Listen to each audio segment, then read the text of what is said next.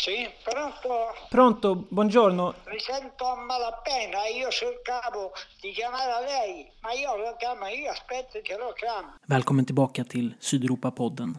Idag är det söndag den 27 september och jag heter Filip Jakobsson. È andata tutto bene, nel senso, il 29 luglio mi è stata conferita la laurea con 110 lode. Det här är Giuseppe Paterno, eller Nonno Pino som hans barn och barnbarn kallar honom. Sydeuropa-poddens trogna lyssnare känner igen honom från förra säsongen. Fram tills i somras var 97-årige Nonno Pino världens äldste universitetsstudent. Nu är han den äldste i världen och har tagit en kandidatexamen. Nyheten om att han den 29 juli tog sin examen spred sig snabbt genom internationella medier. Till och med SVT tog upp det. Mi chiamo Giuseppe Paternò, mi sono laureato in studi filosofici e storici all'Università di Palermo. E, e lei è contento? Certo, Jag träffade Nonno Pino för första gången i hans lägenhet i november förra året. Han hade då precis påbörjat det sista läsåret. Hans rapphet, fysik och minne var det som slog mig mest då. Jag ringer upp honom nu igen, nästan ett år efter att vi träffades, för att höra hur det här konstiga skitåret 2020 har varit för honom. Han är ju på något sätt riskgruppernas Rolls Royce. è brutto, brutto, brutto. Cielo non ho avuto niente, sto a casa, sto più a casa e molto meno fuori. Det har varit förfärligt, berättar han. Han går nästan inte ut alls längre. Han har inte kunnat åka till universitetet under hela våren förutom till examensceremonin. più a casa che fuori proprio per tutelarmi perché alla mia età c'è peri- maggior pericolo. Nonno Pino gick i pension i mitten på 80-talet. Då hade han jobbat i över 40 år på det statliga järnvägsbolaget på Sicilien. Som äldst i en skara av sju barn fanns det aldrig ens en tanke på att han skulle kunna plugga. Det dröjde alltså till 94-årsdagen. Jag frågar Nonno Pino vad han har gjort den här coronavåren och coronasommaren instängd i sin lägenhet på Via Giovan Battista 36 i Palermo, inte långt från det amerikanska konsulatet. Ja, vad han har gjort förutom att plugga på distans då. Durante questo just io ho scritto un libro. Han har skrivit en bok, berättar han. Ho scritto un libro che io spero di poter pubblicare e perlomeno avere qualche piccola soddisfazione. En bok som han har skickat till flera förlag. Men något svar har han fortfarande inte fått. Quindi questo è quello che io ho fatto, l'ho già spedito ad una casa editrice di Udine, a una casa editrice piccola, l'ho spedito anche a Feltrinelle, ma eh, non so quando arrivano le risposte, se arrivano. Ma lei eh, che che vorrebbe fare adesso? Jag frågar vad han skulle vilja göra nu. Io non so se farò i due anni di, eh, di, di, di magistrale, però tutto dipende se ti trovo il vaccino. Nonno Pino funderar på om han ska läsa en master eller inte. Allt beror på om och när de hittar ett vaccin mot coronaviruset. När jag var hos honom förra gången ville han allra helst prata om Palermo, fotbollslaget alltså. Det som han följt med hela sitt hjärta i hela sitt liv. Laget gick förra säsongen upp från Serie D dit de tvångsnedflyttats efter åratal av att ha misskött sin ekonomi. När vi pratar är det bara några dagar kvar till seriepremiären i Serie C, den italienska tredje ligan. Allt är fortfarande osäkert med Palermo i år. Men det börjar på söndag och då får vi se var vi står. C'è speranza almeno. Det finns hopp i alla fall. No, buono, le speranze ci sono senz'altro di andare, di poter andare in Serie B. Hoppet finns alltid om att vi ska kunna ta klivet upp. Ma lei ha potuto eh, votare ieri o eh, domenica? Just det, den stora anledningen till att jag hör av mig till Nonno Pino är för att jag vill veta om han kunde gå och rösta. Det kommer vara ett av ämnena i dagens podd. Alltså den folkomröstning som hölls i Italien förra helgen om att minska antalet ledamöter i parlamentet. No, per la prima volta in vita mia, dal 46 a oggi, non ci sono andato. Nej, för första gången i Nonnos liv kunde han inte gå till vallokalen i helgen för att rösta. Dobbiamo convocare la banda. Det här är Sydeuropa-podden med Filip Jakobsson. L'immigrazione va controllata e regolamentata. Mais je ne suis pas là pour plaire. Je suis là pour faire avec vous. Sono brutto, cattivo, razzista, fascista, eccetera, eccetera. Monsieur Le fonds Macron, souverain, ne jouez pas avec moi, ne jouez pas. Je ne joue pas malheureusement crise. vous... Alors c'était mieux avant Non, ce n'était pas mieux avant. Vi ska komma tillbaka till den där folkomröstningen. Men först ska vi prata om det som alla i Italien pratat om. Egentligen sedan skolorna stängde i mars. Och det är när och hur ett öppnande av dem ska gå till egentligen. Hallå! Hej! Vi har precis kommit hem. Har ni, du har precis hämtat Emily på skolan eller? Precis. Hur är det med dig? Jo men det är bra. Jag mår bra. Eh, det är konstigt att vara i Sverige. Eh, Fast, fast just nu är det konstigt att vara var som helst. Det här är Alexandra Boccalini, eller Alex som hennes vänner kallar henne. Hon bor i Rom tillsammans med sin sambo och sina två barn Stephanie och Emily. Hon sitter i lägenheten där de var instängda mellan mars och juni under Italiens nedstängning. Jag lärde känna Alex och hennes familj förra hösten när jag bodde i Rom och började hjälpa hennes äldsta dotter med att förbättra sin svenska. Men mitt i allt det här då, hur är läget med er där hemma? Jo då, nej men det är bra. Vi har, eh, Emelie har börjat skolan efter sex månader nu i måndags, förra måndagen. Och hon kan berätta lite. Det, det är kaos. Det är total kaos. Så att till exempel i morse glömde Emelie en påse med, med ja, någonting. Hon hade sin väska och då åker man, springer man till skolan och, och levererar den. Men det är inte precis så, för då måste man sätta på munmask, man kan inte närma sig till de som sitter där vid ingången.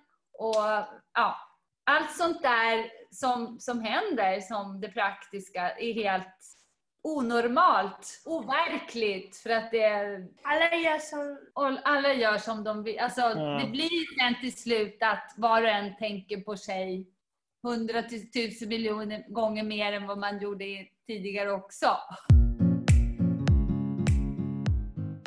Jag pratade senast med Alex i juni. Då hade jag kommit hem till Sverige och Italien hade börjat öppna upp landet efter en evighetslång karantän. Precis som för mig, Alex, hennes familj och för alla andra så har pandemin förändrat våra liv. Vi har alla behövt vänja oss, men det har knappast varit samma för alla. Det finns miljontals olika sätt som människor har levt de senaste sex månaderna på. Helt beroende på var de bor, om de är unga eller gamla, sjuka eller friska, rika eller fattiga. Allt påverkar och därför kan det vara värt att understryka att både jag och Alexandra förstår att vi har varit ultra, mega, super privilegierade. Vi har inte behövt gå hungriga, vi har inte varit sjuka och vi har inte förlorat varken släktingar eller bostad. Samtidigt är det Alexandra vittnar om så väldigt vanligt. Instängda i sina lägenheter har människor världen över försökt att jobba, leva, älska, laga mat och samtidigt underhålla barnen, leka med dem trots att de inte får gå ut, hjälpa dem med skolarbetet, försöka få Zoom att fungera eller försöka hitta nya appar på iPaden för att få tiden att gå. iPaden, som förresten en gång i tiden var din, men som sedan månader tillbaka nu tillhör din 11-årige son eller 9-åriga dotter. Och allt det här utan att kunna svara på frågor som när är det här slut? När får jag träffa mina vänner igen? När kan vi åka och hälsa på mormor? När kommer mormor hit? Jag heter Emily och jag är 12 år och jag går på skolan. Och jag gillar jättemycket musik och sjunga. Men Emily, hur är det att vara tillbaka i skolan då? Det är bra. Jag, mm, jag gillar inte så mycket att vara med mm, eh, på online och Zoom. Jag, är mest, jag gillar mest det på klassen med alla mina kompisar. Men vad var det värsta med att vara hemma hela tiden då? Mm, att eh, du kan inte um, se dina kompisar och fröken, fröken, men du kan bara se dem online och inte prata inte så bra. För att det finns ehm, alla, några vill komma inte för att det funkar inte eller eh, När jag pratar med Emily idag berättar hon att de haft en två timmars lektion i engelska utan att de någon gång under den lektionen fick ta av sig sina munskydd. Men är, det, är livet hyfsat vanligt nu då? Eller? inte så vanligt för att um, på, um, på skolan um, vi måste ha munmask. Inte så mycket, men vi måste ha distans och vi måste tvätta händerna varje tid. Hur går det då? Alltså när man är på rast, håller ni distans då? Ja, vi, vi måste...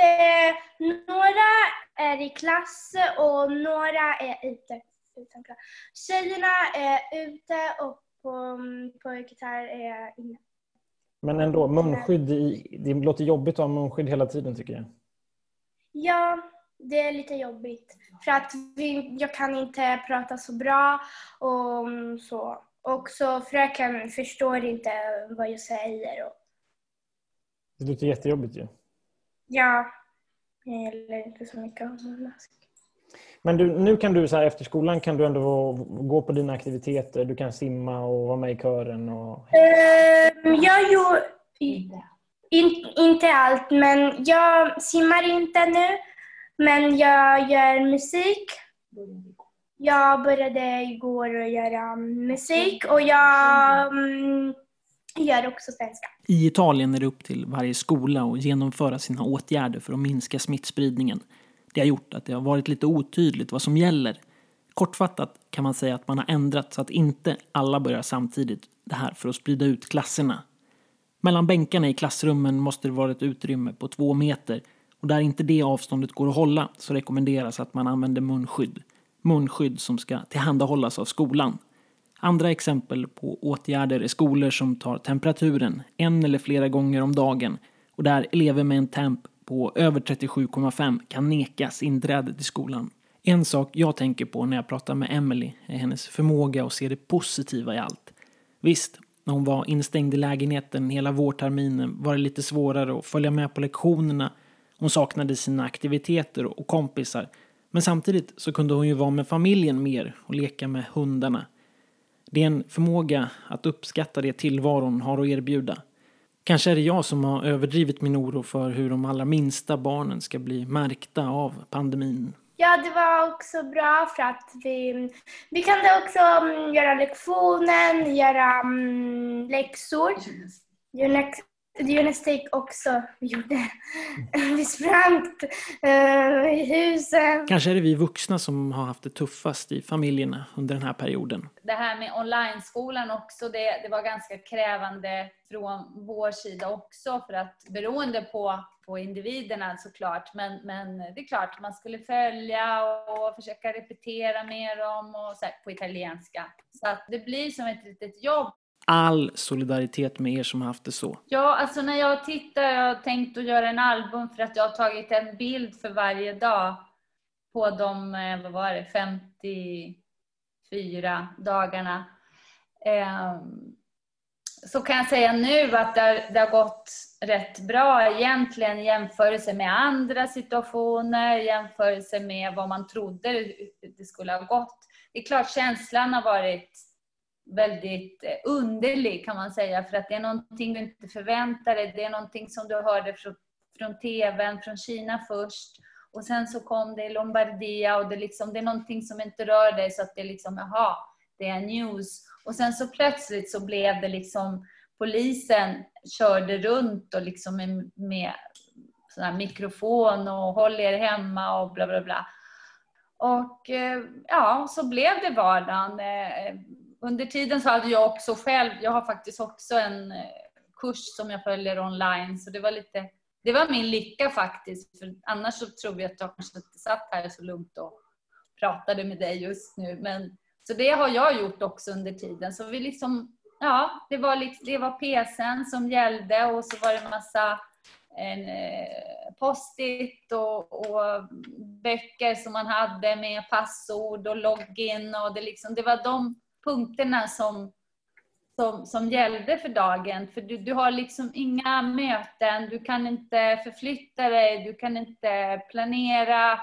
Men hur blir det, alltså så här, då, men att ha liksom Emily som ändå har spring i benen och så här, hur, hur, man måste ju, hur är man med och leker som förälder? Det måste vara otroligt svårt.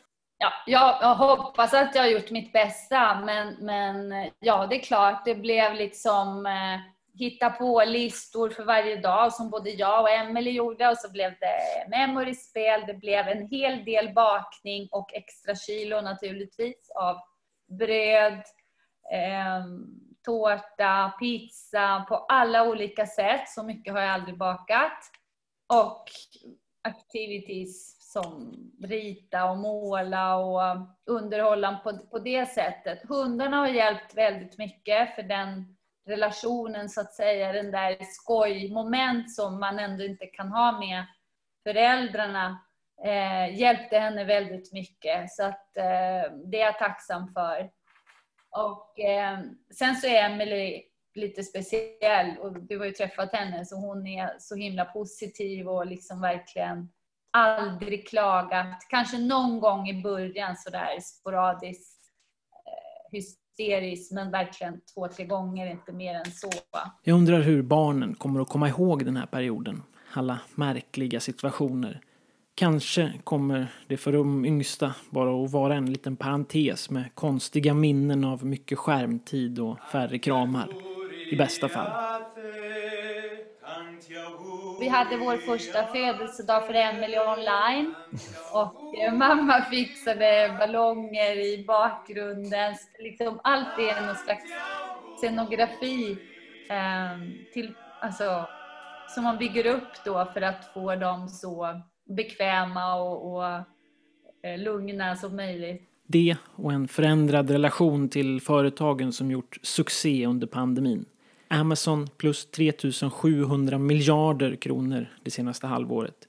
Microsoft plus 2 500 miljarder. Apple plus 2 000. Netflix plus 500 miljarder och Zoom plus 450 miljarder. Kompisen hade till och med tänkt en Amazon-paket som hon fick samma dag. Så det, hon lekte via WhatsApp också ibland med hennes väninnor. Så hon satt på golvet och hade telefonen vid sidan och så hade hon dockhuset på andra sidan och så kunde de prata via telefon liksom. Men du, hur var det? Var ni och röstade i helgen förresten? Just det, folkomröstningen ja. Vi höll på att glömma bort den. Förra helgen gick hela Italien och röstade. De svarade då ja eller nej på frågan om antalet ledamöter i parlamentet ska minskas från dagens 945 till 600 istället. Ett förslag som kan sammanfattas som populistiska femstjärnerörelsens hjärtebarn. Ja-sidan vann med 70 procent av rösterna vilket innebär att parlamentet med sina två kamrar kommer att bestå av 345 politiker färre efter nästa val som hålls 2023. Jag är väldigt glad för att de har röstat si och den har vunnit. Så nu får vi se vad liksom... Ja, du, var, du var för liksom det här, eh, vad säger man, minskningen av ledamöter? Precis. Jag var för det för att det är en, det är en bra proposition som de har eh, som de har pratat tidigare också om det. Men, men som sagt, eh, ord är en sak och faktum är en annan sak. Så att själva meningen med det här är väldigt vettigt tycker jag. För att inte bara spara pengar. Sen så är det klart att de kan alltid hitta på många andra lösningar för att kasta pengar eller stoppa dem i andra fickor. Det vet man ju inte. Men, men det är i alla fall ett stort stepp som aldrig har hänt tidigare som går och rör lite på konstitutionen.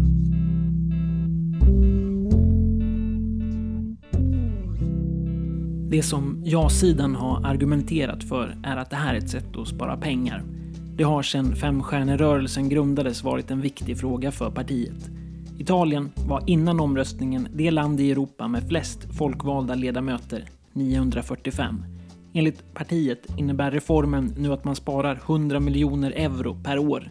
Det här är en omstridd siffra. Kritiker menar att den i själva verket kommer att bli mycket mindre.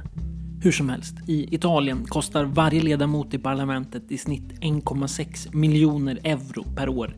Det varierar lite beroende på var de kommer ifrån, men 1,6 miljoner är alltså snittet. I Spanien är den siffran bara 250 000. En italiensk parlamentsledamot tjänar nästan 110 000 kronor i månaden bara i lön. Sen tillkommer traktamenten, bidrag för mat och så vidare och så vidare. Det kan vi jämföra med 68 400 kronor som riksdagsledamöter i Sverige tjänar. Men då ska vi komma ihåg att medellönen i Sverige är 35 300 kronor, alltså hälften ungefär av vad riksdagsledamöterna tjänar. I Italien däremot är medellönen 25 000 kronor. Det har varit en del i kritiken. Alltså, sänk lönerna istället.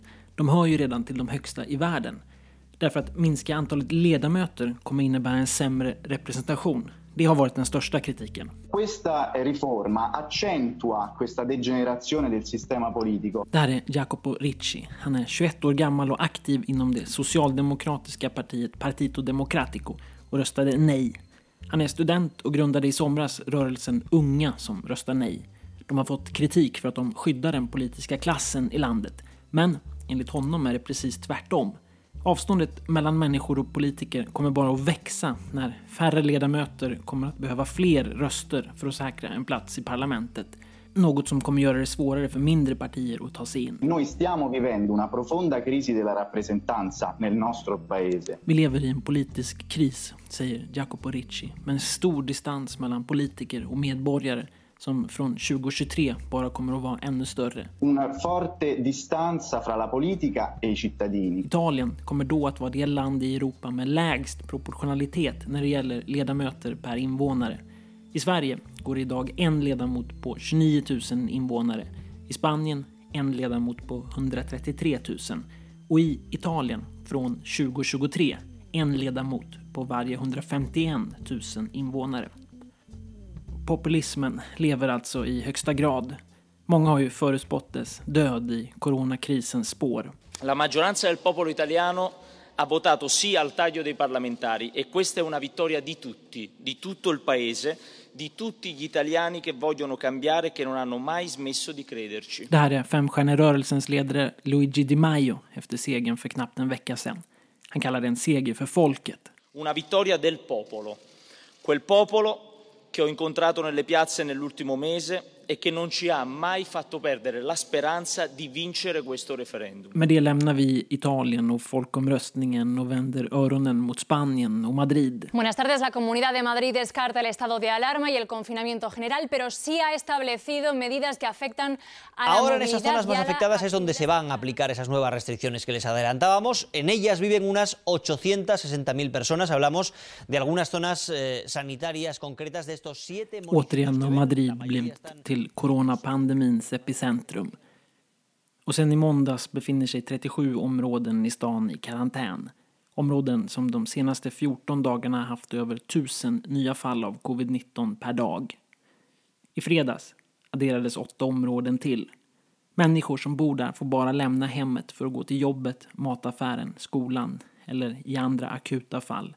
Precis som i våras när alltihop stannade. Jag bor i Almendrales, precis söder om floden. Alltså det är rätt centralt men det är, det är väl som att bo i, om man jämför med Stockholm så skulle det vara som att bo i typ, vad fan blir det? Typ Gröndal kanske? Det här är Max Arborg. Han bor tillsammans med sin familj i södra Madrid i ett av de områden som nu stängs ner.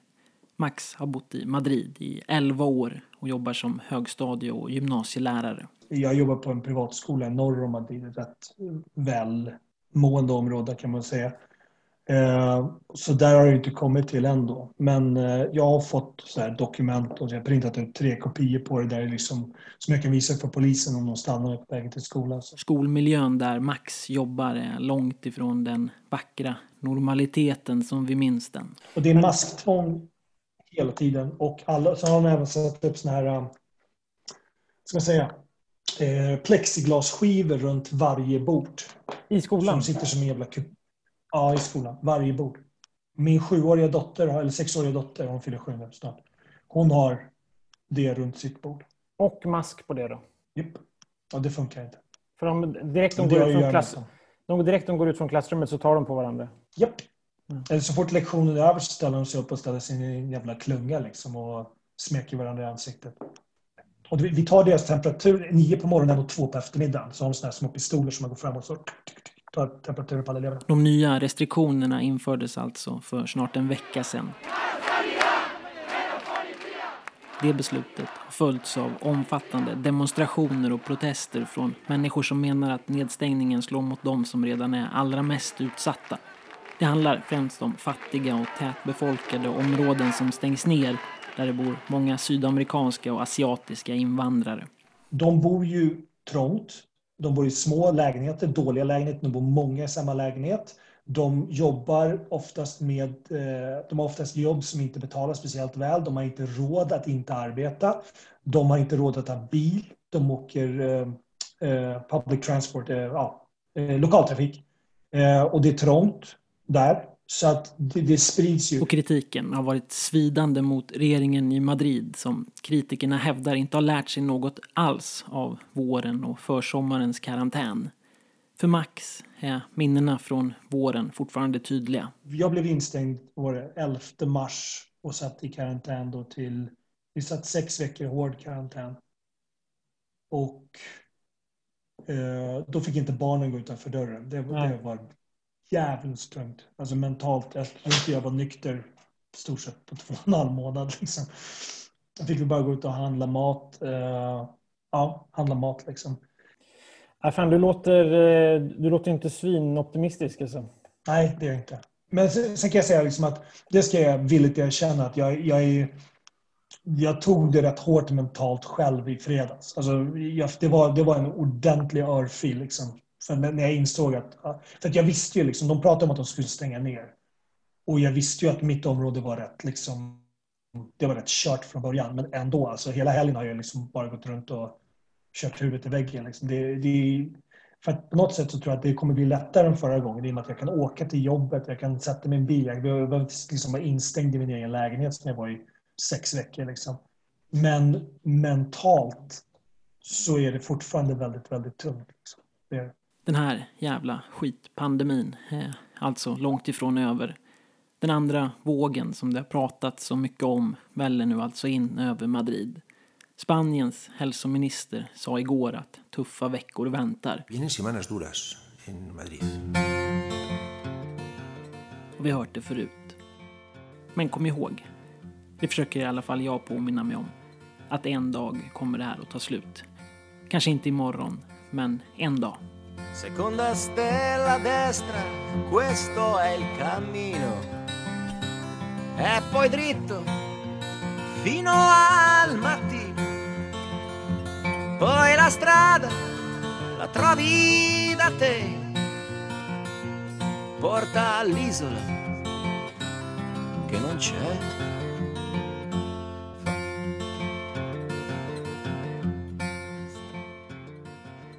Du har lyssnat på det första avsnittet på den andra säsongen av Sydeuropapodden. Producent och programledare är Filip Jakobsson. Tack för att du lyssnar. Vi hörs snart igen. Forse questo ti sembrerà strano, ma la ragione ti ha un po' preso la mano ed ora sei quasi convinto che